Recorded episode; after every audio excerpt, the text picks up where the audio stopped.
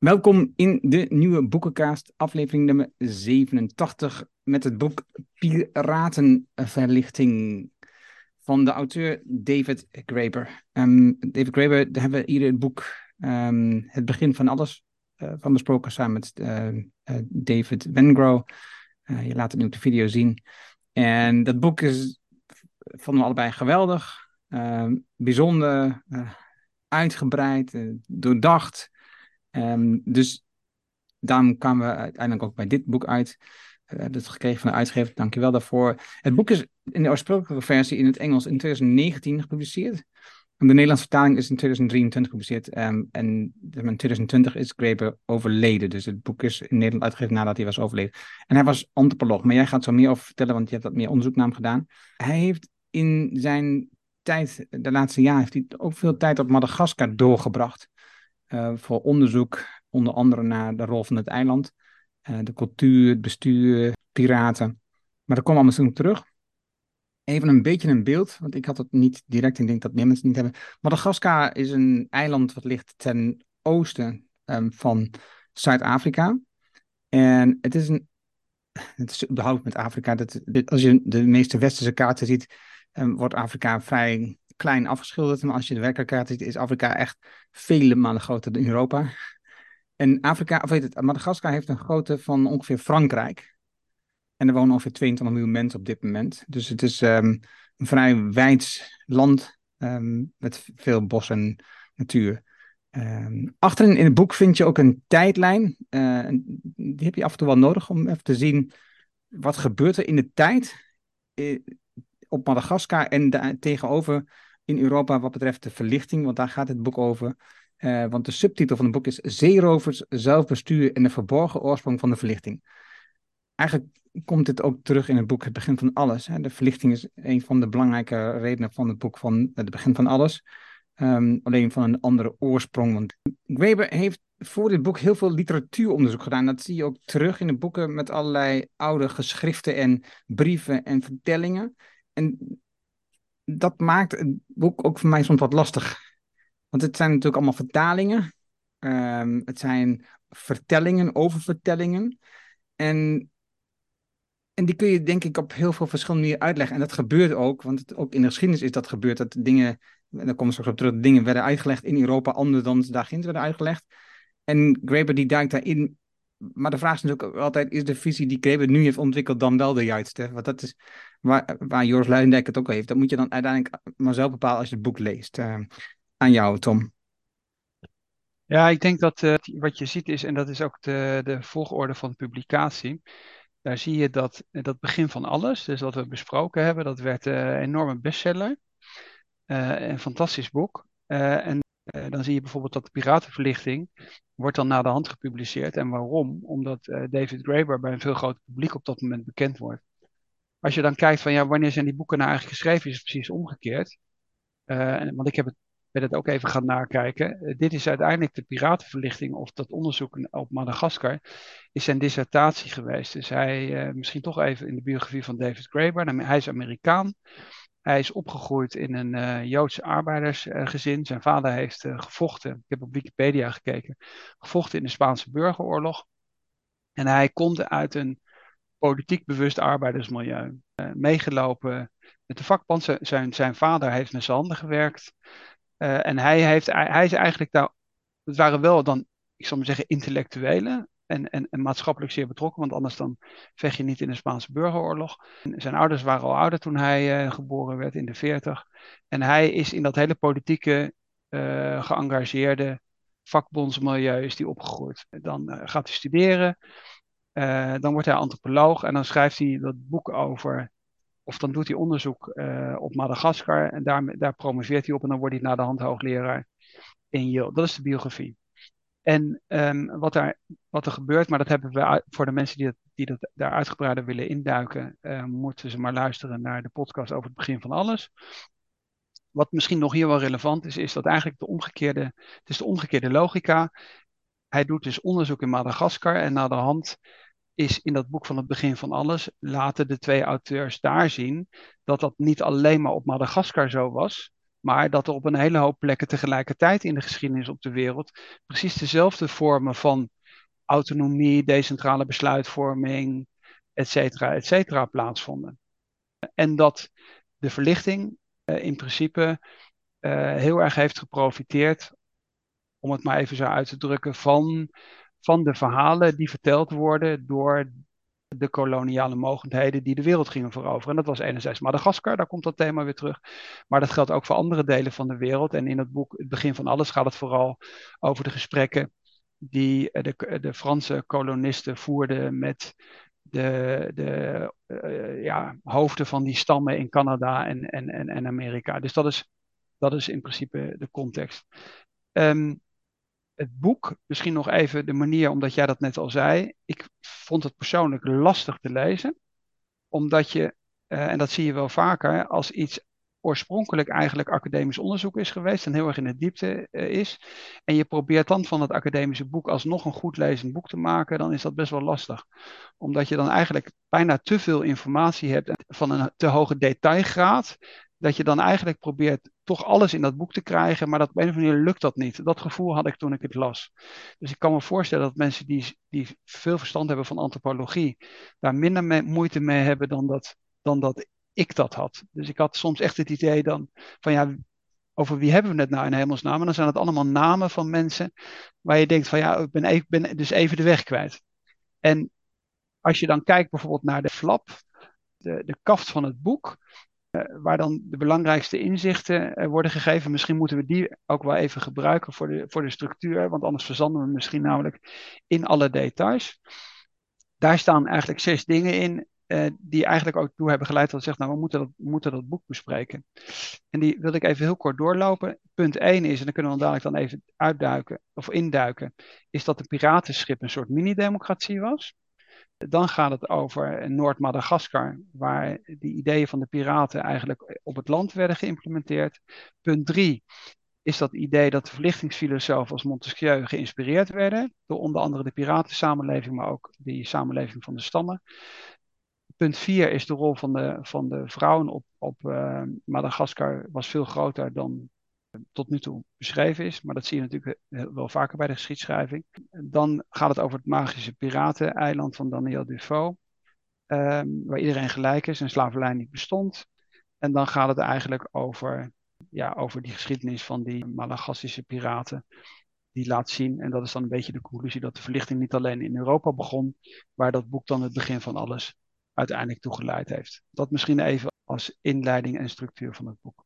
Ja, ik had het ook en ik hoopte met jouw uh, geschiedeniskunde, zeg maar, jouw expertise op dat gebied, dat jij beter kon lezen dan ik. Want weet je, ik vond het ook echt lastig om te lezen. Al die namen, verschillende stammen, namen, leiders, prinsessen, koningen, schijnkoningen. Het was, echt, uh, het was echt niet eenvoudig om te lezen, om te snappen waar het precies over gaat. En zeker als je dat dan over een aantal dagen in een week leest en dan nu weer terugkijkt van, ja, voor de, ter voorbereiding van zo'n, zo'n aflevering als deze dat viel me nogal tegen wat ik nog had onthouden en hoe het ook weer zat allemaal precies.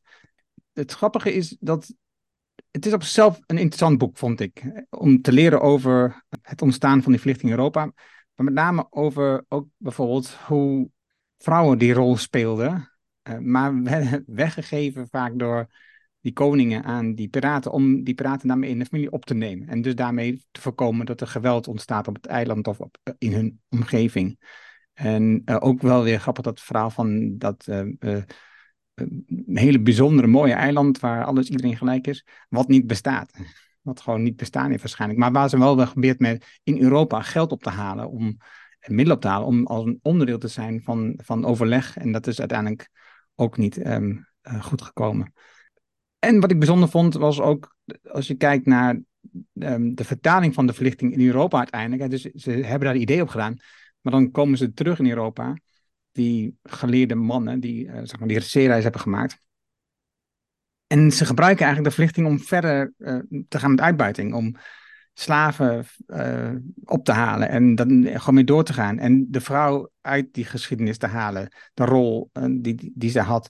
En ook die gelijkheid eruit halen. En dus juist zichzelf op een hoger voet te. Dus de verlichting is eigenlijk een hele bijzondere vorm in Europa uitgekomen. Dat was mijn conclusie na alleen van het boek. Maar ik zat, om even dat punt van, de, van wat hier dus punt 4 in die kaft is, hè, de rol van die vrouwen, of van Malagastische vrouwen, is veel groter dan door historici tot nu toe werd beschreven. En dan, denk ik, dan dacht ik van ja, maar dat is eigenlijk, dat geldt voor alles. Dus of het nou wetenschappers zijn, kunstenaars, ik denk bijvoorbeeld even aan Rodin, et cetera, om even een heel klassiek voorbeeld eh, te noemen, dat men achteraf dan erachter komt dat bijvoorbeeld of bepaalde beelden die zijn vormgegeven helemaal niet door Rodin zelf zijn vormgegeven. Literatuur uh, is heel vaak zo geweest dat vrouwen hebben geschreven, maar de mannen dat dan hebben gepubliceerd. We weten dat bij wetenschappers, weten we dat. We weten dat bij politici, waar soms vrouwen op de achtergrond een hele belangrijke rol hebben gespeeld. Ga zo maar door. Dus ik denk dat als je hier zou zeggen van de rol van vrouwen is veel groter dan door historici tot nu toe werd beschreven, dan denk ik dat het eigenlijk van alle tijden, dat het voor alle tijden geldt en voor, voor bijna ook alle, alle, alle, alle plekken op de wereld. Met, een, met af en toe een uitzondering waar het misschien net omgekeerd was. En met betrekking tot het huwen bijvoorbeeld, uh, om even toch een historisch voorbeeld te nemen. Als je bijvoorbeeld naar Alexander de Grote kijkt, om maar één voorbeeld te noemen, maar dat geldt heel, heel veel. Het is heel vaak zo geweest dat als men ging veroveren, waren er twee mogelijkheden. Of je nam het land in bezit en je vermoordde iedereen, dat is één mogelijkheid. Of je zegt van ja, je wilt eigenlijk met zo min mogelijk weerstand, wil je, wil je dat gebied veroveren, zoveel mogelijk intact laten, want alles wat je kapot maakt, moet je naar de hand weer zelf opbouwen. Wat dat betreft is daar Oekraïne op dit moment ook weer een, een schoolvoorbeeld van. Uh, en wat gebeurde daar? De veldheren van Alexander de Grote, die hoeden ook de dochters van de lokale uh, koningen om zoveel mogelijk meteen weer stabiliteit uh, te hebben. En daardoor krijg je een soort samensmelting weer. En blijft zo'n rijk ook dan intact. Het Romeinse Rijk idem dito. Dus ik denk wat hier wordt beschreven is geen uitzondering. Maar daarmee zijn we meteen weer tot de conclusie. Want ik denk dat David Graeber, eh, door het feedback wat hij heeft gekregen van andere antropologen, want dat boek heeft hij met David Brangrow, die ook antropoloog is geweest, zullen natuurlijk een hele hoop mensen hebben gezegd van ja, maar wat jij in Madagaskar hebt ontdekt, dat geldt voor een hele hoop plekken op deze wereld. Ja, en het was wel mooi ook met die boeken waarbij dus, van het boek van het begin van alles, waarbij we dus ook uh, kennis maakten met gemeenschappen die, die duizenden jaren hebben geleefd, waar, waar dus niet matriarchaal was, waar de vrouw juist overheerst, zeg maar, de, de heerser was of de leider was. Oké, dit boek het bestaat uit uh, drie delen en een conclusie. Deel 1 is piraten en schijnkoningen in het noordoosten van Madagaskar. Deel 2 is de opkomst van die piraten gezien vanuit de Madagassiërs. En deel 3 is piratenverlichting en dan krijg je de conclusies. We gaan niet heel erg diep op in, wat we al zeiden. Het is, het is namelijk ingewikkeld als je al die namen wilde noemen. Daar wordt het niet echt duidelijker van. Maar wat voor mij in het eerste deel uh, naar voren kwam, uh, wat, wat hij noemt, of wat, wat is genoemd in, in Madagaskar, is de kabari. De vergaderingen waar consensusvorming een belangrijke rol speelde tussen dorp en clans. En dus dat, daar zit zeg maar, een bron in van uh, die, die democratie die ontstaat. Dus heel veel overleg tussen verschillende clans en dorpen. en dat het overleg konden dagen duren. En um, en soms werd er dus, op het moment dat er dus uh, dreiging was van buitenaf, werd er een oorlogshoofd gekozen om het probleem op te lossen. Niet per se om oorlog te voeren, maar om het probleem op te lossen. Om schepen te overtuigen dat ze hier niet moeten aandoen, of om schepen te overtuigen dat dit niet de juiste plek is, of, of ze alleen bevoorraden en dat ze weer door konden gaan.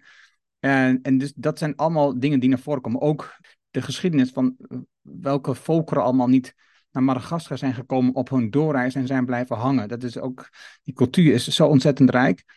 En in dit hoofdstuk lijken vrouwen een soort ruilobject.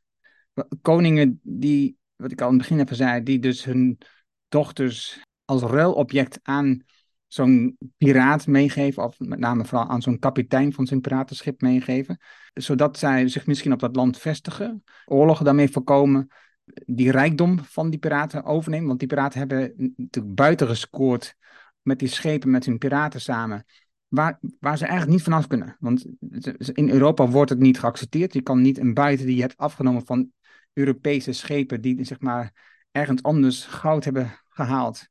Je verovert die buiten en je gaat dan naar Europa terug en je zegt ik wil dat goud omruilen naar geld. Dat gaat dus niet. En dus zij gebruiken dat bijvoorbeeld om ook daar weer eh, die buiten die hebben gescoord te verdelen onder die families. Heeft het een hele andere waarde want het heeft niet die financiële waarde die het oorspronkelijk had. Maar het helpt wel zeg maar, om meer gelijkheid te creëren. Uh, later uh, wordt dan wel duidelijk dat eigenlijk die vrouwen vaak handelaren blijken. En magiërs. Er komen veel verhalen terug over hoe zij met drankjes, middelen, uh, liefdesrituelen mannen verleiden. Soms ook vermoorden. Um, als zij zich verkeerd gedraagden. En dat is ja, ook allerlei verhalen van rituelen en um, nou, allerlei. Dit zijn fantasieverhalen. Dat is ook, ja, dit, dat druipt het van in het boek. Natuurlijk, dat is logisch. Als dat de vertellingen krijgt, worden verhalen fantastisch uh, mooi gemaakt. Dat waren de dingen die me opvielen in dit eerste deel. Ja, wat ik nog wel interessant vind is, dus met betrekking tot het, die regels op een piratenschip. En dat is, dat is in principe wat, jij, wat je ook al even aanstipte is. Er staat hier, alleen in gevechtssituaties luistert de bemanning naar de bevelen van de kapitein. dus in crisissituaties zegt men van nou, even, we hebben even iemand nodig zodat, het wel, zodat er wel coördinatie is. Wat overigens bij ons in het bedrijf uh, in een crisissituatie ook zo is. Dan wordt toch gezegd van nou, degene die het meeste ervaring heeft, die moet maar even het roer overnemen. Het voorbeeld dat ik altijd noem is de zeilboot. Als het stormt, dat je dat dan ook eerder iemand laat doen die, die al veel gezeild heeft en niet iemand laat doen die weinig gezeild heeft. Dat vond ik wel weer interessant, maar dat, ik, ik ben het ook al een paar keer tegengekomen bij, bij de maffia. Dat je daar ook hele andere structuur, structuren hebt. Dus misschien ook wel een keer interessant om daar ook nog een keer in te duiken. Hoewel je natuurlijk in eerste instantie een soort een soort afkeer hebt van dit soort structuren. Nou is bij piraten is het dan nog romantiek. Hè? Joris Luijendijk heeft het over de Playmobil, uh, Playmobil piratenboot, et cetera. Op zich vond ik dat wel een leuk voorwoord. Alleen, ik, het is wel interessant dat die soort mini-democratie op zo'n boot van piraten, of bijvoorbeeld ook bij maffia of criminele structuren, uh, dat, dat daar dan toch dit soort basisdemocratische principes uh, zo'n grote rol spelen. Dat vind ik nog steeds een uh, erg interessant thema. Ik ontdek net wel dat ik een beetje deel 1 en deel 2 tegelijk heb gedaan. Maar goed, het is niet erg. Um, wat ook in, in het deel 1, wat ik ook nog als wat aanvulling interessant vond, was hoe de Madagassische bewoners, en verduidelijk, Madagassiërs, dat zijn dus de mensen die op Madagaskar wonen, welk beeld ze hadden van Europeanen. En wij vonden onszelf natuurlijk heel erg slim en rijk en you know, uh, intellectueel. En zij zagen ons um, ook eigenlijk vergelijkbaar met piraten. We kwamen mensen roven, we roofden buiten, uh, we bouwden een fort en we vermoorden mensen. Dus voor hun waren we eigenlijk, en dat zag je ook in het verhaal van het begin van alles. Um, want ik had het straks over uh, de Wendat-gemeenschap. In het gesprek met die uh, Candia Ronk, waarin wij ook vinden en dit gaat over Noord-Amerika, Canada vooral, waarbij wij ook vinden dat wij verlicht zijn en veel slimmer zijn. En zij zeggen, nou, als jullie, als jullie politie nodig hebt om jullie economie te beschermen, dan zit er iets in de kern fout. Dat is eigenlijk de conclusie die ze daar hebben.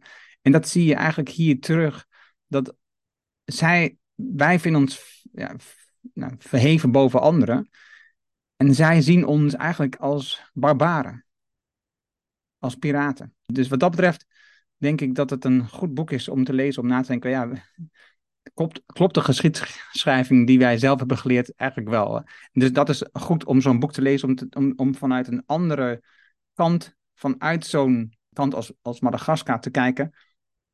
Hoe denkt eigenlijk de wereld over de Europeaan, de Westerling? Dan is een deel 3 is de piratenverlichting. Wat, uh, wat ga je erover vertellen, Tom? Ja, ik moet eerlijk zeggen dat ik uh, dat de claim die op het boek ligt, vond ik sterker dan wat in het hoofdstuk zelf stond. En ja, dan herhaal ik, dan herhaal ik me, of misschien herhalen we ons dan ook, dat in principe in het begin van alles, dus dat eigenlijk ook wordt uitgelegd, dat waarschijnlijk het meest logische is dat op een hele hoop plekken van de wereld, hè, dus mensen in de kring gaan zitten, iedereen gehoord wordt, et cetera, et cetera. Omdat anders die samenlevingen gewoon niet kunnen functioneren. Ja, je kunt elkaar wel afmaken, maar op een gegeven moment houdt het dan ook wel snel op. Je hebt elkaar dan toch weer nodig. Dus als je in bepaalde groepen wilt samenleven, zul je toch automatisch op een gegeven moment een bepaalde, noem het civiele omgangsvormen moeten hebben. Waar als je thema's hebt, je in een kring gaat zitten en dan één voor één het woord uh, voert. Uh, en, en ik denk dat dus dat, dat wat wij exotisch vinden, Ehm, dat dit zo is, meer te maken heeft met de bril, de hiërarchische verticaal, verticaal hiërarchische bril die wij op hebben. En ik denk dat dat het hoofdpunt is wat, wat David Graeber steeds in zijn boeken maakt. En daarom denk ik persoonlijk ook dat het juist interessant is om, net wat jij net beschreef, is, is afstand te nemen ten opzichte van je eigen samenleving en je eigen structuur en je eigen manier van organiseren. En dat doen wij natuurlijk op een hele hoop gebieden. Is oneindige groei logisch of juist het tegenovergestelde? Is dat is een primitieve maatschappij die zeven generaties verder denkt, juist wel heel erg geavanceerd en geciviliseerd? En is eigenlijk onze manier van alles in één generatie er doorheen te jagen, uh, juist heel erg ongeciviliseerd? En ik denk dat dat de antropo antropologie uh, biedt omdat de antropologie natuurlijk in een hele hoop andere maatschappijen uh, ons een spiegel voorhoudt hoe gekleurd eigenlijk de bril van onze eigen werkelijkheid is. Dus ik, ja, ik, ik vind wat dat betreft, vind ik het denk ik interessant om toch af en toe wel vaker in dat, in dat soort antropologische uh, thema's te duiken. Of dat dan de organisatie op een piratenschip is, bij de maffia of in een, in een bijenkolonie of uh, wat dan ook. Dat maakt uiteindelijk niet uit. Maar ze, ze, ze creëren allemaal distantie en zullen waarschijnlijk tot de conclusie leiden dat wij zelf in een hele gekke wereld leven. Ik vind dat Danielle Brown uh, dat op, op social media, onder andere LinkedIn, dat ze dat heel erg goed doet door voorbeeld te laten zien, ook de, eh, als zij dus eh, presentaties en workshops die dingen geeft, waarbij ze dus dingen van die stammen juist inbrengt in organisaties om te laten zien dat het anders kan. Op pagina 146 staat een passage van die majeur, waar hij dus dat overleg beschrijft. En dat is uh, in het Frans, maar dat is dus in het Nederlands vertaald. Een stuk kun je dat uitlezen. En wat bijzonder is, is dus er staat dus een stuk in, in er zijn kabarari van vrienden van families van dorpen, van stammen en van hele provincies. Vrouwen nemen er nooit aan deel. Maar die zin heeft hij ook weer doorgestreept. Een hele aparte iets. Het, is, het wordt expliciet genoemd hier, dat vrouwen in die overleggen nooit mee, meedoen. Maar die zin is ook weer doorgestreept. Dus dat soort dingen blijven dan voor mij heel erg wazig en onduidelijk wat dat nou precies betekent. Wat verder in het hoofdstuk aan bod komt, is dus die Ratsimilaho. Niet een eenvoudige naam. Maar dat is dus dat is degene die aan het einde van het boek en het einde van die periode waar het boek over gaat, ook eigenlijk een tijd lang regeert, 30 jaar of zo, over een vrij groot gebied in Noordoost-Madagaskar. Waar zij dus, eh, en hij is dus voor duidelijkheid de zoon van een Engelse piraat en een Madagassische um, koningin.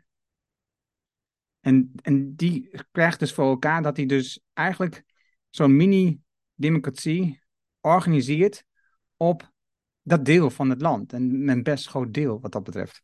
Dus dat is mooi om, eh, om te zien. Dat is ook eigenlijk zo'n beetje het laatste deel van dat hoofdstuk. En dan ga je naar die conclusies. En nou ja, de conclusies eigenlijk heb je ze aan het begin al genoemd door die flap eh, te noemen. Er staan er wat meer in, en dat stuk van die Ratamai Milaharo, die staat er ook in ik vond het mooi om te lezen dat die Malagassische vrouw in staat is om eigenlijk te besturen via die piraten. Dus die piraten die nemen overleg deel, maar eigenlijk worden ze gestuurd op de achtergrond door die vrouwen. Um, ze drijven handel met piraten, die vrouwen. En, um, ja, en wat ik al zei, in, wat jij ook hebt gezegd, die vrouw, rol van die vrouw wordt weggenomen. In het voorwoord van Joris Luijendijk, jij noemde het al, um, staan twee boeken die ik misschien in de toekomst zou willen bespreken. Dus ik zou ze graag lezen en misschien zouden we hem bespreken. Het eerste boek van, um, van, van Graeber is Schuld, de eerste 5000 jaar. Wat, wat Luijendijk erover zegt, dat lijkt me zeer interessant. Hè? Te kijken naar de oorsprong van geld en de rol die het nu heeft. En dus, waar wij hebben gedacht dat het een soort ruilmiddel Het was eigenlijk de schuld die, de, die dus de rol is van hoe we het geld nu zien. En het tweede is Who Cooked Adam Smith's Dinner? Van Katrien Markal, dat is een Zweedse journalist. Um, dat lijkt me ook een zeer gaaf uh, boek om te lezen, omdat het namelijk kijkt wat is eigenlijk de rol van de vrouw in, in het geheel van we zijn. Eigenlijk wat je net aan het begin zei. Um, dus wat mij betreft zijn dat um, een mooie vervolg op dit boek. Dat betreft. Ja, als je googelt, dan, uh, dan wordt dat boek Schuld, uh, de eerste 5000 jaar van Graeber, ook veel genoemd. En dat, waarschijnlijk heeft dat er mee te maken, maar dat zullen we dan nog wel zien. Met het feit dat natuurlijk onze perceptie, hoe we dat geleerd hebben op school en op de universiteit, hè, eh, zonder geld uh, hadden we geen handel kunnen drijven en ruilmiddelen, et cetera, et cetera. Dat, ik vermoed dat hij dat on, ondersteboven gooit. In ieder geval, dat is wat Joris Luijendijk hier beschrijft. En dat maakt het natuurlijk in principe ook weer interessant.